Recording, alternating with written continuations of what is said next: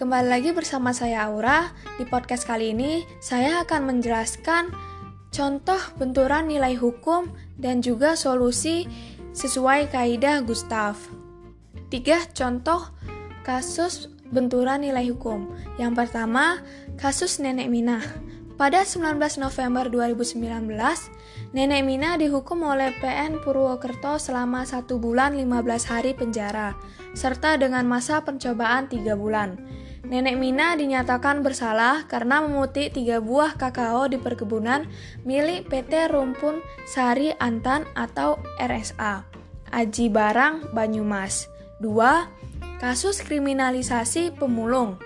PN Jakpus pada 3 Mei 2010 memfonis bebas Cairul Saleh seorang pemulung yang dituduh memiliki ganja seberat 1,6 gram. Dia dipaksa mengakui memiliki ganja oleh sejumlah oknum polisi. polisi.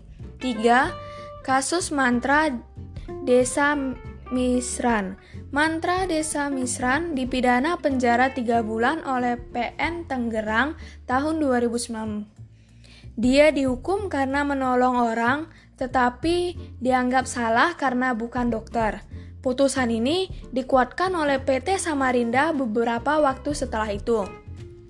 Berdasarkan kasus tersebut, solusi sesuai kaidah Gustav yang menyangkut pada konsep keadilan, kepastian, dan kemanfaatan dalam penegakan hukum yaitu satu peduli terhadap sesama dan memikirkan juga bagaimana ke depannya jika hal yang diterapkan tidak adil dan juga dapat berdampak pada masyarakat terutama yang kurang mampu. 2. Dapat menciptakan toleransi yang kuat terhadap perbedaan-perbedaan.